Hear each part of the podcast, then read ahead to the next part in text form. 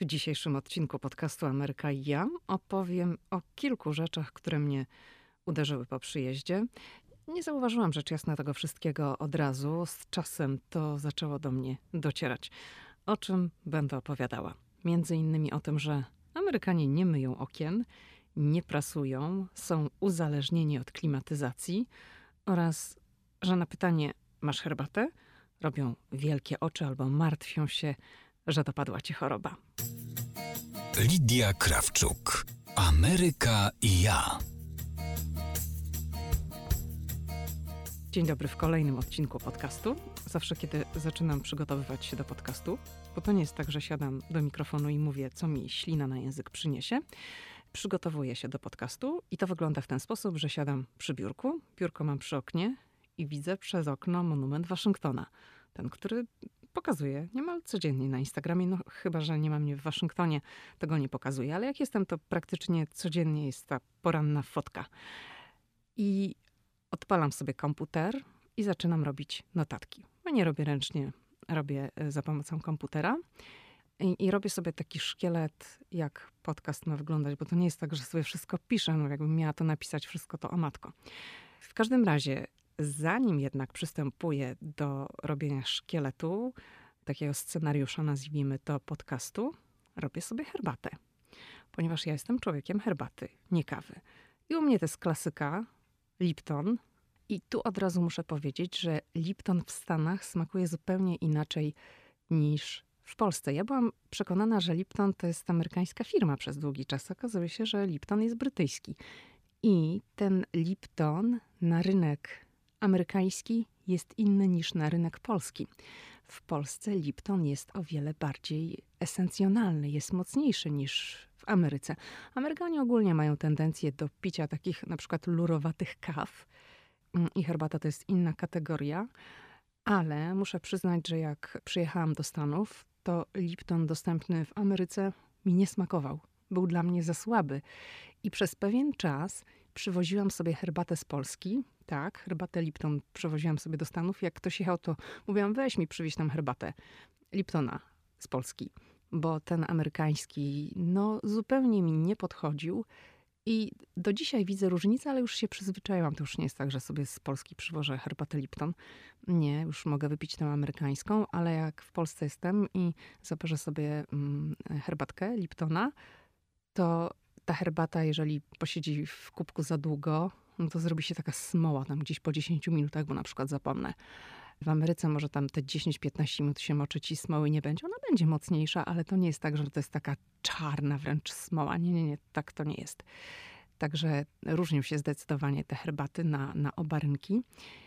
I ja zawsze piję herbatę z cytryną i z cukrem, taki klasyk.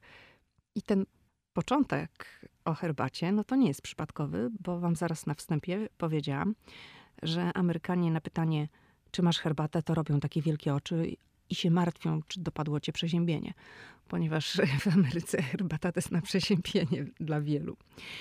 U mnie w domu to zawsze było tak. Do śniadania herbatka, do kolacji herbatka, w międzyczasie herbatka. I dziś zresztą jest podobnie to, co powiedziałam, to było u mnie w moim rodzinnym domu, ale w moim domu to jest też tak, że ja do śniadania piję zawsze herbatę z cytryną i z cukrem. Do kolacji też muszę mieć taką samą herbatkę z cytryną i z cukrem. I w międzyczasie w ciągu dnia też sobie wypijam jeszcze te herbatki. Próbowałam odzwyczaić się od cukru, ale nie potrafię. Po prostu nie smakuje mi herbata bez cukru. I koniec. No to muszą być dwie łyżeczki. Staram się, żeby to może nie były dwie, tylko półtorej łyżeczki, ale różnie z tym bywam. No, nic nie poradzę, że najlepiej mi smakuje, jak są dwie łyżeczki cukru i plaster. Nawet nie, plaster to jest za dużo, bo wtedy jest zakwasie, tak pół plastra cytryny. To wtedy jest idealnie. No nic na to nie poradzę. Amerykanie, ogólnie rzecz ujmując, nie piją herbaty. Po prostu. Oni się herbatą leczą. Jak ktoś już jest przeziębiony, no to dla nich to jest najlepsze. O, o, na takie przeziębienie to herbatka może być. Może, nie wiem, mają takie skojarzenia, bo teraz przecież bardzo dużo jest takich różnych leków na przeziębienie reklamowanych jako gorący napój. To może to się tak z herbatą jakoś automatycznie niektórym kojarzy. Amerykanie no, dużo piją takiej lurowatej kawy, piją sporo napojów gazowanych i wody. I ogólnie mam wrażenie, że Amerykanie dużo piją To znaczy nie, że dużo piją, w sensie napojów alkoholowych. Dużo piją. Wydaje mi się, że oni są jakoś tak bardziej spragnieni niż reszta świata. Zresztą jak się przyjedzie do Stanów, to widzi się choćby w tych restauracjach sieciowych, te szklane z napojami idą non-stop. Kubki są wielkie, cały czas są dolewki. W restauracjach kelnerzy od razu przynoszą wodę. To jest zazwyczaj kranówka. I jak tylko wypije się z pół szklany, mówię szklane, a nie szklanki, bo to nie jest taka standardowa szklanka, tylko tu wszystko jest zawsze większe, to ktoś natychmiast się pojawia i, i dolewa. I pamiętam, że kiedyś, bardzo wiele lat temu, zapisałam się tutaj na kurs fotografii. I właściwie każdy uczestnik kursu pojawił się w sali albo z pojemnikiem na wodę, albo z termicznym kubkiem. I to nic, że te spotkania tam trwały ponad dwie godziny, chyba dwie i pół nawet. No każdy picie musiał ze sobą mieć.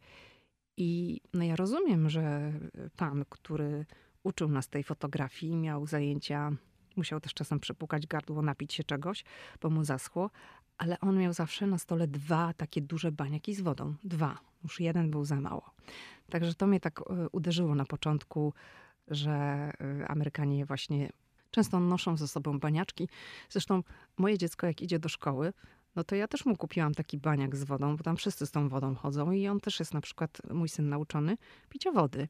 I on najlepiej lubi wodę. Na szczęście, ja się bardzo z tego cieszę, że dla niego woda to jest podstawowy napój do picia. Nie znosi herbaty, nie pije w ogóle herbaty. To nie ma w ogóle mowy, żeby napił się herbaty. Absolutnie. Sok, okej, okay, pomarańczowy czasem, ale gasi pragnienie wodą. Ja jestem z tego bardzo zadowolona, że woda to jest jego ulubiony napój. Ale te dzieciaki są tutaj do wody przyzwyczajone i on też zabiera sobie zawsze baniak wody do szkoły. Ma tam taką swoją baniak, nie wiem, czy to jest dobre określenie. No ma taką butelkę, kupiłam tak jak tam dla dzieci. Chodzi sobie z tą swoją wodą i pilnuje tego rano, że chce mieć wodę. Ale wracając do herbaty. Jeśli na przykład na lotnisku w Stanach zamarzy mi się szybka czarna z cytryną, taka wiadomo jak to w Ameryce, w papierowym kubku, to muszę naprawdę mieć bardzo duże szczęście, żeby była cytryna.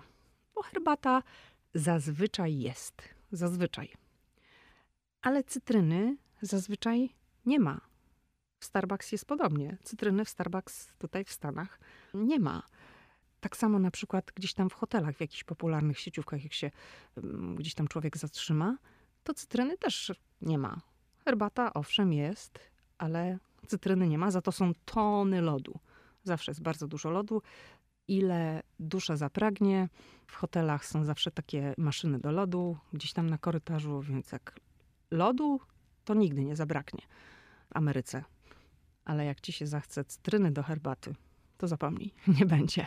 Okej, okay, to tyle jeśli chodzi o herbatę. A, jeszcze mogę tylko powiedzieć taką rzecz, że w Ameryce nauczyłam się podgrzewać herbatę w mikrofalówce. Wiem, jak to brzmi, ale no, nigdy w Polsce by mi nie przyszło do głowy, żeby sobie podgrzać herbatę w mikrofalówce. Ale pamiętam, że byliśmy tutaj kiedyś u znajomych i ci znajomi to są Polacy, bo mieli herbatę, tak.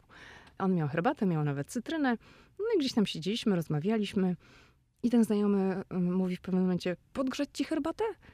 A ja tak, co? Wiesz, jak, jak podgrzać herbatę? On mówi, a daj ci podgrzeję, bo tak siedzisz, na pewno ci ostygła. No i wziął ten kubek mojej herbaty i włożył go do mikrofalówki tam, nie wiem, na 15 sekund i mi podgrzał i zrobiła się gorąca. I to był dla mnie taki moment, o, w sumie to nie jest głupi pomysł. Jak mi tam czasem wystygnie, to mogę sobie podgrzać.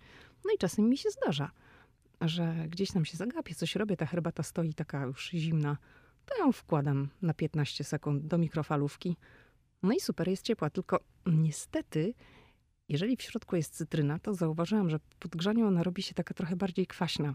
I czasem muszę sobie dosłodzić, co nie jest najlepsze, nie? No bo znowu ładuję cukier w siebie.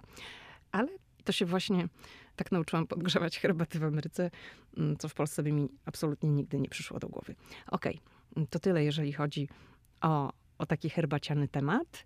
Kolejny, który mnie to zaskoczył w Ameryce, to jest to, że Amerykanie nie prasują. I nie mówię, że w ogóle, w ogóle, że w Ameryce nikt nie ma żelazka w domu. To oczywiście, że nie będę takich bzdur tutaj opowiadała, ale tak ogólnie to się nie prasuje. Na pewno nie tyle, co w Polsce. Zanim wyjechaliśmy do Ameryki, ja na przykład miałam zwyczaj prasowania na kolanie. No nie mogę powiedzieć, że tu jest się czym chwalić, ale tak było. Czyli prasowałam to, co mi było potrzebne w danej chwili i często na podłodze. Tak, miałam deskę do prasowania, ale miałam też taki koc, który służył mi do prasowania na podłodze, bo to były jakieś takie czasy, może byłam jeszcze wtedy taka bardzo, bardzo młoda i mm, po prostu nie chciało mi się rozkładać deski, więc zrzucałam koc na podłogę i prasowałam na kolanach na podłodze. I to, nie wiem, tam bluzka mi była potrzebna, czy spodnie. I robiłam to od najwcześniejszych lat, kiedy sama sobie zaczęłam prasować, mm, czyli w szkole średniej. Pamiętałam, że mój tata w ogóle nie mógł tego przeżyć, że ja prasuję. No mówię, jak ty tam na tej podłodze prasujesz? No, tak mi było wygodnie. Zawsze tak prasowałam. I potem, jak już się wyprowadziłam z domu i, i żyłam niezależnie, to też prasowałam sobie na podłodze. Teraz już tak nie prasuję na podłodze. Teraz, jeżeli przychodzi mi do wyprasowania czegokolwiek tutaj w Stanach, a nie prasuję tyle, ile w Polsce, to już rozkładam deskę, jak porządna pani domu. Zestarzałam się, nie? No tak to jest w życiu. Ale mm, no wtedy mi się nie chciało wyciągać deski do prasowania, a tutaj w Stanach to tak używam żelazka od wielkiego dzwonu. I dlaczego w Ameryce się nie prasuje? Ponieważ ogólnie rzecz biorąc, w Ameryce proces prania wygląda następująco. Najpierw do pralki, potem do suszarki, a następnie do szafy. No chyba, że pranie w suszarce zalega ci trzy dni, no to niektóre rzeczy trzeba wyprasować. Suszarka do ubrań jest podstawowym sprzętem w USA, tak jak pralka, i większość ludzi w ten sposób suszy swoje rzeczy. Tak, ja wiem, w Polsce to się też bardzo zmieniło. W wielu domach pojawiają się suszarki, ale uwierz mi, to nie jest taka skala jak w USA. W USA to jest norma. I w USA nie zobaczysz balkonów czy ogrodów zawalonych praniem i gadkami dyndającymi na sznurku. No chyba, że gdzieś na prowincji, mówię o USA. No wiadomo, że w Polsce pewnie to już też tak nie wygląda jak kiedyś, no ale ciągle jednak suszące się pranie w Polsce można zobaczyć. I mało tego, suszenie na sznurku jest w wielu budynkach i na osiedlach w Stanach Zjednoczonych zabronione, choć, i tutaj muszę zaznaczyć, w Kalifornii od 2016 roku obowiązuje prawo, które nie zezwala na wprowadzanie tego typu zakazów. I to jest podyktowane oszczędzaniem energii, ale ogólnie w innych częściach Ameryki nie można suszyć sobie tam gatek gdzieś publicznie. Nie tylko gatek, no ogólnie prania. I być może sobie teraz pomyślisz, ale co ma suszenie do prasowania? No to, że jeśli wyciągniesz jeszcze ciepłe pranie z suszarki i natychmiast je ładnie rozłożysz i złożysz, albo powiesisz na wieszaku, w zależności jak tam sobie układasz rzeczy w szafie, to po prostu nie trzeba prasować. Ubrania prosto z suszarki są, no wiadomo, są miękkie, nie mają odciśniętego śladu po sznurku i po wygładzeniu dłońmi są jak wyprasowane. No prawie, ale naprawdę to wszystko ładnie wygląda. No i jeśli się zagapisz na Facebooku, na Instagramie, wiadomo, i przypomnisz sobie o praniu w suszarce dwa dni później, no to pranie będzie wyglądać jak wyciągnięte psu z gardła. No ale wierz mi, ludzie chodzący w ubraniach, które leżały w suszarkach trzy dni, nie są w Ameryce rzadkością i w pogniecionych ubraniach Amerykanie też chodzą. No dobrze, ale tu może zaraz pojawić się taka kwestia, co z koszulami i uniformami do pracy? Czy takie suszarki? No nie, no one wymagają prasowania, jednak i tu skupię się na Waszyngtonie, który jest administracyjno-korporacyjny, w którym no, dużo się nosi takich, powiedziałabym, korporacyjnych ubrań, garniturów, garsonek i tak. I tutaj i ludzie to mają na sobie, ale mało kto tutaj prasuje. Koszulę nosi się do pralni.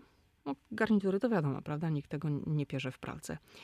I na przykład na parterze budynku, w którym ja mieszkam, znajduje się sklep spożywczy z pralnią. I to nie jest taka pralnia w dosłownym sensie, bo właściciele są pośrednikami, ale robią na tym chyba całkiem niezły interes, bo codziennie w sklepie ludzie zostawiają sterty koszul do prania i do prasowania. Na pewno być może w innych częściach, gdzieś tam na prowincji, to trochę inaczej wygląda, ale w dużych miastach, zresztą tak jak rozmawia się z ludźmi, czasem gdzieś tam w internecie pojawiają się dyskusje, no to mało kto prasuje, a przynajmniej nie na taką skalę jak w Polsce. Ok, kolejna rzecz. Mycie okien. Amerykanie ogólnie nie myją okien i muszę powiedzieć, że jakiś czas temu na Insta Stories pokazałam, że u mnie w budynku po raz pierwszy od 10 lat umyli okna. I teraz widzę swoje oczy. Co? Od 10 lat pierwszy raz? Bo ja tak naprawdę to nie mam jak myć okien. I jak pokazałam zdjęcie na Insta Stories, że z zewnątrz ktoś myje okna w budynku, w którym ja mieszkam, ja mieszkam na siódmym piętrze, no to odezwało się sporo osób i mówiły, ej, ja też nie myję. I już. Jak sięgnę pamięcią, to przed Wielkanocą i przed Bożym Narodzeniem wszyscy pucowali w Polsce okna. Niektórzy rzecz jasna także jeszcze między świętami. No ja też myłam okna przed świętami. Tak, tak no myłam, raczej myłam. Ale moje były wiecznie y, brudne, bo mieszkałam wtedy na parterze i tutaj jestem w Waszyngtonie od 2009 roku. Mieszkam w tym samym budynku od początku i nigdy nie widziałam, żeby tutaj ktoś mył okna. Ani w moim budynku, ani w okolicy. To znaczy w moim budynku widziałam w tym roku pierwszy raz od 10 lat, że nam umyli okna. W Ameryce ogólnie się nie myje okien. Nie mieścicie się w głowie, tak? Czy ci się mieści? No nie wiem. Mnie się to na początku nie mieściło. No bo na pewno nie znamy wszyscy z filmów te sceny, gdy tam facet na rusztowaniu z myjką w dłoni zagląda przez okno, to do biurowca, to do apartamentu, tam siedzi jakaś piękna pani i tak dalej, prawda? W wielkich biurowcach zajmowanych przez korporacje albo w wypasionych takich apartamentowcach na pewno tak jest. W moim budynku nigdy nikt nie mył okien przez 10 lat. I teraz umyli niedawno. Jak przyjechaliśmy, to jedną z pierwszych rzeczy, jaką powiedział mój mąż, kiedy wprowadziliśmy się do budynku, w którym mieszkam, powiedział, no trzeba tutaj umyć okna. Ale okazało się, że nie jest to takie proste, bo tych okien się nie otwiera. One są tylko przesuwane i to jest taka charakterystyczna rzecz w Stanach, że amerykańskich okien się nie otwiera, tylko się przesuwa najczęściej. I na dodatek można było przesunąć tylko takie dwa zewnętrzne skrzydła. Mówię tutaj o tych największych oknach w living room. One jakby okno składa się z trzech części. Jedna część jest kompletnie nieruchoma, jej się nie da otworzyć, a z boku są takie dwie mniejsze i one są przesuwane. Ale tylko y, na pewnym fragmencie. I jak się przesunie te boczne, to one nachodzą na tą wielką nieruchomą szybę i jeszcze na te boczne, przesuwane, są nałożone siatki przeciwko komarom. No i mój mąż tak obejrzał to okno i mówi, kurczę, no co tutaj z tym zrobić? Ale na pewno coś się da z tym zrobić.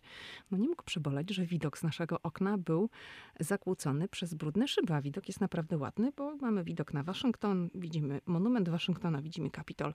Więc no jest na co popatrzeć, prawda? No okno nie za czyste. I zawołaliśmy wtedy do mieszkania takiego młodego człowieka, który zajmuje się na terenie budynku mm, różnymi wieloma rzeczami. On błysnął zębem, takim złotym. I tak, jest młody, miał złotego zęba. I y, tam pokręcił przy tych oknach, popatrzył do góry, poprzesuwał skrzydła. No i powiedział tak: Mój kuzyn może wam to umyć za 150 dolarów. Hmm. No, kiedy zamknęliśmy drzwi za tym człowiekiem, Paweł zrobił to samo. Popatrzył do góry, poprzesuwał i wyciągnął te okna z ram. Mam na myśli te małe, przesuwane skrzydła oraz siatki. No i te okna można było umyć w wannie. No po prostu to wyjął i umył te okna, to co się dało. I przez kilka lat wyciągaliśmy te ruchome skrzydła z ram i myliśmy to w wannie. I nie sądzę, by w naszym budynku robił to ktokolwiek poza nami. Bo Amerykanie po prostu się takimi rzeczami nie zajmują. Mają to gdzieś. Ten wielki, nieotwierany środek myliśmy o tyle, o ile, no bo wygibasy na parapecie na siódmym piętrze są dosyć ryzykowne, prawda? Ale po jakimś czasie, to było chyba ze trzy lata temu, wymieniono okna w całym budynku. I teraz te okna, które są, te nowe, i się w ogóle nie da umyć. To są bardziej zaawansowane, czyli mają jakieś dodatkowe blokady, okna można przesunąć i otworzyć tylko na kilka centymetrów. I no już nie da się ich wyciągnąć. Paweł próbował na wszelkie sposoby, ale te są jakieś inne. I teraz, no, czy przez trzy lata nie umyliśmy tych okien? Najczęściej myliśmy je od wewnątrz, dlatego że nasz syn urządza sobie często punkt obserwacyjny, patrzy co tam się dzieje i przykleja nas do szyby i pokazuje coś palcem i wiadomo, to zaraz jest wszystko brudne. Także od tej strony, ale w tym roku, tak jak wspominałam kilka chwil temu, umyli pierwszy raz okna. Może to będzie jakaś taka nowa tradycja. Fajnie by było, żeby chociaż raz na rok je umyli od zewnętrznej strony. Jak nam umyli, to o matko, jaki nagle widok przez okno się zrobił. No super. I jak któregoś razu zapytałam taką znajomą Amerykankę, czy myje okna w swoim domu. I ona na mnie w ogóle spojrzała zdziwiona i nie wiedziała o co chodzi. Co ja ją pytam, czy ona myje okna. I no, wyjaśniła mi, o co mi chodzi. Opowiedziałam, że w Polsce myje się okna przed świętami. I ona była taka, naprawdę myjecie okna przed świętami? W ogóle dla niej to nic nie znaczyło, co to znaczy. I ja jej powiedziałam, że tak, że jak Polska długa i szeroka, to wszyscy tam prawie pucują okna. I on, nie, że w ogóle to jest, y, nie, nie, że jej koleżanki też nie myją. Potem rozmawiałam jeszcze z kilkoma osobami na temat mycia okien. Rozmawiałam też z taką Polką, którą tutaj spotkałam, która mieszka tutaj od bardzo dawna, od kilku dekad i ona powiedziała, że ona tego nie robi sama i zamawia raz w roku serwis, który jej myje okna. Ona ma dom i przyjeżdża ekipa z drabiną i oni to myją. Właśnie dlatego jest potrzebna drabina, gdyż okien nie da się otworzyć i ktoś tam na drabinę wchodzi i z zewnątrz te okna myje i no, ta pani, o której tutaj mówię, ta Polka, która mieszka tutaj już kilka dekad, no płaci za tą usługę gdzieś tam ponad 200 dolarów raz w roku i ktoś jej myje okna w całym domu. Ona tego nie myje, no bo nie ma jak. Bo e, tak jak mówię, okna są przesuwane, jeszcze są te siatki przeciwko owadom, które są bardzo fajne i to mi się w Ameryce podoba. Mm, na tej ruchomej części ta siatka, więc nic tam do domu nie wlatuje. Można sobie okno otworzyć E, no ale samodzielnie umyć okna to już jest duże wyzwanie. Dobrze. Kolejna rzecz. Klimatyzacja. Amerykanie nie mogą żyć bez klimatyzacji. To jest w ogóle nie do wyobrażenia w Ameryce. Mój mąż i ja no, urodziliśmy się w Polsce. W Polsce chodziliśmy do szkół, w Polsce kończyliśmy studia, pracowaliśmy, czyli no, no my jesteśmy ludzie z Polski, tak? Przyjechaliśmy do Ameryki jako osoby dorosłe, które nigdy ale to nigdy nie miały w domu klimatyzacji. Never ever. I po tych latach, które spędziliśmy tu w Waszyngtonie i używaniu klimatyzacji od wiosny do późnej jesieni, zadajemy sobie pytanie, jak mogliśmy bez tej klimatyzacji funkcjonować. Amerykanie nie potrafią żyć bez klimatyzacji i ja sobie w tej chwili życia bez klimatyzacji też nie wyobrażam, ale być może to jest dlatego, że Waszyngton jest takim miejscem, gdzie latem klimat jest bardzo, bardzo wilgotny i bez klimatyzacji tu się po prostu nie da żyć. To jest gorąco od maja do końca września, ale u nas w domu czasem i w październiku y, działa klimatyzacja, bo jak się tej klimatyzacji nie włączy, to już jakoś tak jest nie tak. Takiego okresu przejściowego, że się czegoś nie używa, to właściwie nie ma, bo albo jest klimatyzacja, a potem jest od razu ogrzewanie. I początki, moje początki z klimatyzacją nie były wcale takie fajne, bo Amerykanie preferują w pomieszczeniach dosyć niską temperaturę. To jest tak około 69-70 stopni Fahrenheita, czyli na Celsjusze to jest tak 20-21 stopni. I to jest, no to jest chłodno. Jeżeli ma się krótki rękawek, to jest chłodno. I komuś, kto przyjeżdża do Ameryki z Europy, zazwyczaj nie odpowiada strumień tak chłodnego powietrza, który dmucha w sklepach, w muzeach, restauracjach, kinach i mieszkaniach. Więc jeżeli ty kiedykolwiek wybierzesz się do Stanów w letnim okresie, to ja ci zachęcam i jesteś z marzluchem, bo panowie to tam trochę zawsze inaczej reagują na, na zimno, ale kobiety zazwyczaj marzną, to panią polecam, żeby wziąć sobie taką cieniutką bluzkę z długim rękawem, żeby ją nosić tam w plecaczku czy w torebce, bo jak wejdziesz do restauracji, czy wejdziesz do sklepu, do kina, do muzeum, z ciepła na, na dworze, na zewnątrz będzie ciepło, będzie upał, a tam w środku będzie klimatyzacja. Ona jest też ustawiona na niską temperaturę, ponieważ w takich publicznych miejscach jest zazwyczaj też dużo ludzi i oni tą temperaturę ustawiają na niskim poziomie, więc polecam ci zabrać sobie jakąś taką bluzkę z długim rękawem, którą sobie założysz.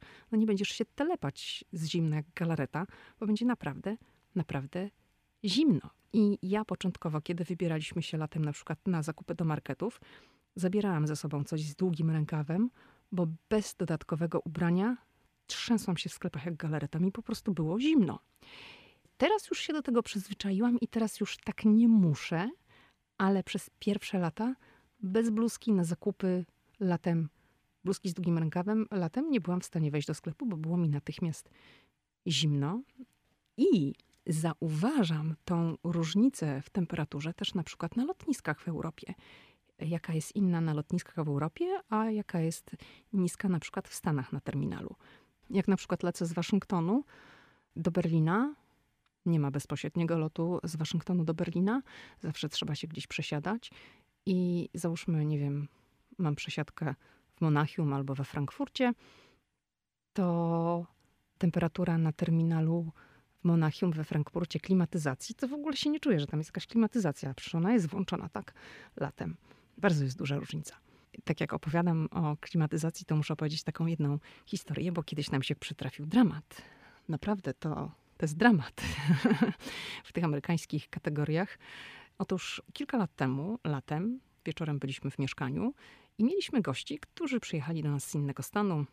To było lato, więc wiadomo, w Waszyngtonie jest bardzo gorąco. I nagle w mieszkaniu zrobiło się bardzo gorąco i wszyscy no, stanęliśmy przed wywiewem.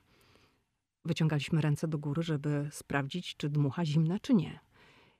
I powietrze było tak ciężkie, że można było je kijem mieszać. No i było wiadomo, że coś się kurcze zepsuło, że ta klimatyzacja nie działa. No i kilka chwil później, ja już byłam siedem pięter niżej w lobby budynku, no i mówię do człowieka, który miał w tym dniu dyżur w recepcji, że popsuła się klimatyzacja, że ona nie działa. I jego reakcja była taka: Jesus! No dla Amerykanina, jak to nie ma klimatyzacji tak gorąco, Boże Święty, co zapiekło, nie? On mnie rozumiał. I no tak, no tutaj noc bez klimatyzacji to jest koszmar, nie? I od razu muszę zaznaczyć, że klimatyzacja w Stanach to nie jest żaden luksus. W Ameryce klimatyzację ma prawie każdy. To jest standard.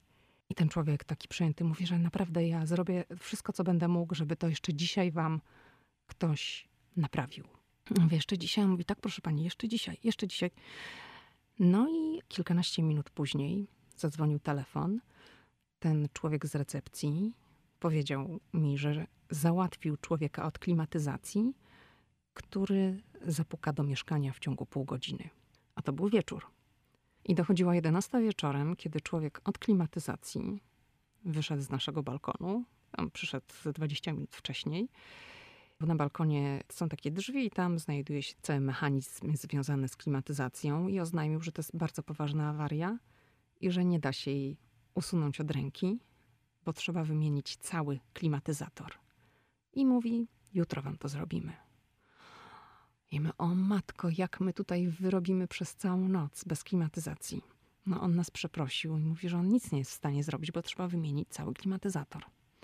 No i wyszedł. Ale coś tam, nie wiem, nie wiem, co on tam robił w tej klimatyzacji. Natomiast jak się ustawiło na najniższą możliwą temperaturę, to to zaczęło dmuchać trochę chłodnym powietrzem. I zrobiło się całkiem znośnie i przeżyliśmy tę noc. Nie było masakry, było ok. Nastawiliśmy na taką najniższą temperaturę. Normalnie, jakbyśmy tam nastawili na taką niską, to by się nie dało, bo to by było bardzo, bardzo zimno. Ale w momencie, kiedy ten klimatyzator został uszkodzony, to to, to nam ratowało życie, że ta najniższa temperatura dawała trochę chłodnego powietrza i przeżyliśmy tę noc i następnego dnia Zgodnie z zapowiedzią oni wymienili nam ten klimatyzator. Ale klimatyzator w USA może być też utrapieniem, zwłaszcza w hotelach. W niektórych hotelach, zwłaszcza w tych starszych, klimatyzacja wyje jak dzika. To jest nie do zniesienia.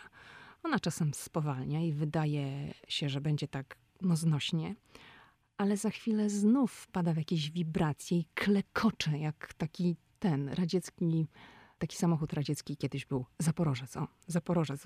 No to strasznie, po prostu nie, to, to jest coś strasznego. I te klimatyzatory w amerykańskich hotelach bywają masakrycznie głośne i nie da się spać. Naprawdę. I ja często podróżuję z takimi zatyczkami do uszu na wypadek, gdyby był jakiś taki klimatyzator rozklekotany. Można powiedzieć, że to jest tak, taka reguła, że im lepszy hotel, tym cichszy klimatyzator, ale to wcale nie jest reguła. Ponieważ czasem pokój wydaje się całkiem znośny, całkiem przyjemny, jednak po włączeniu chłodzenia, no pokój przechodzi do kategorii najgorszy z możliwych właśnie z powodu tego wyjącego klimatyzatora. I ustawiasz temperaturę na 74 Fahrenheity, dla mnie 70 stopni, to za mało, to mówiłam, że Amerykanie tak 69-70, to dla mnie jest za mało. I ta skrzynia jest zamontowana bardzo często pod oknem mm, w pokoju.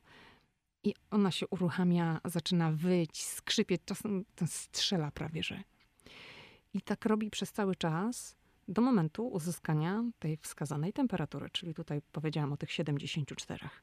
No i wtedy nagle zapada cisza, no bo klimatyzator się wyłącza, bo osiągnął tą wskazaną temperaturę.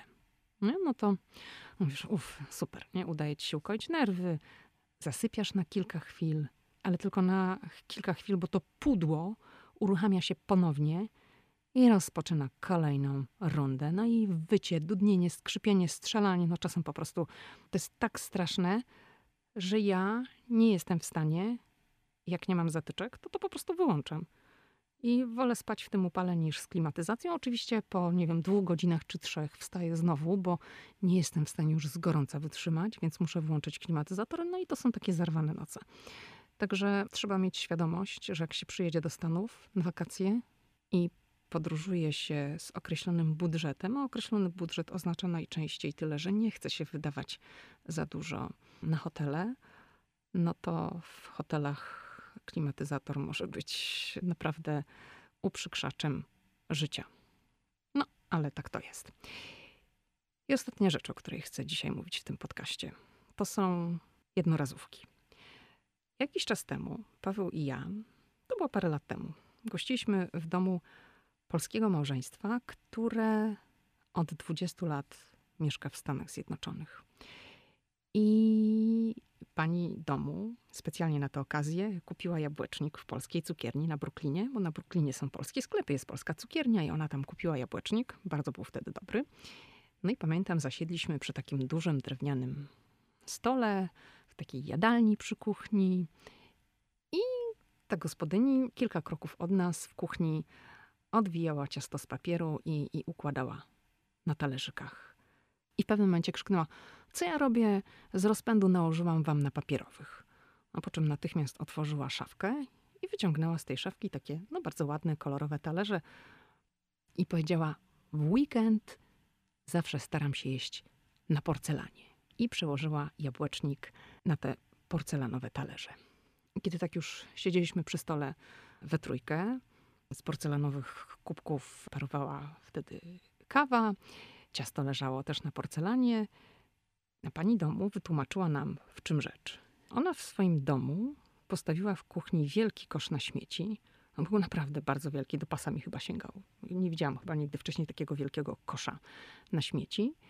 I akurat u tej rodziny w tygodniu było tak, że kawę, herbatę i wszelkie napoje piło się z papierowych kubków, a wszelkie posiłki jadło się z papierowych talerzy, używając przy okazji plastikowych sztućców.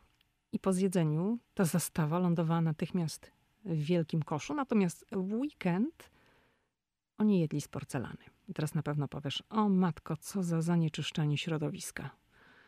Nie wiem, czy oni dalej tak robią, bo my nigdy więcej nie byliśmy w domu tych ludzi, ale no, jak dzisiaj o tym rozmawiamy i rozmawiamy o zanieczyszczaniu środowiska, o plastiku, o tej ilości ton śmieci, to być może ich myślenie się również zmieniło. Natomiast w Ameryce, to trzeba sobie jasno powiedzieć, tych papierowych, plastikowych rzeczy, rzeczy jednorazowego użytku produkuje się tutaj tony.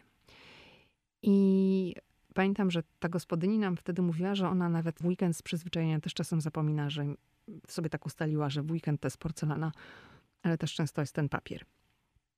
I wtedy pan domu przyszedł i nalał sobie kawę do papierowego kubka i on wtedy mówił, że on w ogóle nie używa niczego poza papierem. Mówił wtedy, że po prostu jemu szkoda czasu, komu by się chciało myć albo układać to w zmywarce, a potem z tej zmywarki jeszcze wszystko wyciągać i, i ułożyć to w szafkach. On tego nie robił i No ze zmywarką to jest tak, nie? że jak człowiek nie ma, to sobie myśli, o jakby to było wspaniale, żeby mieć zmywarkę, żeby zmywarka za mnie umyła. Jak się ma zmywarkę, to człowiek myśli, o kurczę, żeby ta zmywarka jeszcze sama się rozładowała, prawda? Ja przynajmniej tak mam. I zmywarka jest też, e, tak jak suszarka, jak klimatyzator, takim standardem w Ameryce. Jeżeli się kupuje dom, mieszkanie, czy się wynajmuje, to Każde mieszkanie jest e, właściwie w te wszystkie sprzęty wyposażone i mikrofalówka też. Też jest zawsze na porządku dziennym w Stanach. Ja w Polsce nie używam mikrofalówki, nie miałam w Stanach. No, nauczyłam się z niej korzystać. Nie korzystam z niej jakoś tak e, bardzo. No, między innymi podgrzewam herbatę. Ona mi służy głównie do, do podgrzewania jakichś rzeczy. Ale to są takie sprzęty, które no, ułatwiają codzienne życie w Ameryce i które nie są żadnym, żadnym luksusem. Także to są te przykłady, o których dzisiaj chciałam powiedzieć, które jakoś tak mi uświadomiły pewne różnice w podejściu do pewnych kwestii w Polsce i w Stanach. Także to jest tyle, co przygotowałam w tym odcinku podcastu. Mam nadzieję, że Ci się podobał. Jak Ci się podobał, to tradycyjnie proszę daj mi znać na Instagramie, na Facebooku, na blogu albo, i to by było fajnie, w recenzji e, w Apple Podcast ja zawsze sprawdzam i czytam wszystkie recenzje, i bardzo mi miło, jak komuś się chce ją napisać i mi powiedzieć, że podcast się podoba. Kolejny odcinek, jak zwykle, we wtorek, w kolejny wtorek. Do usłyszenia.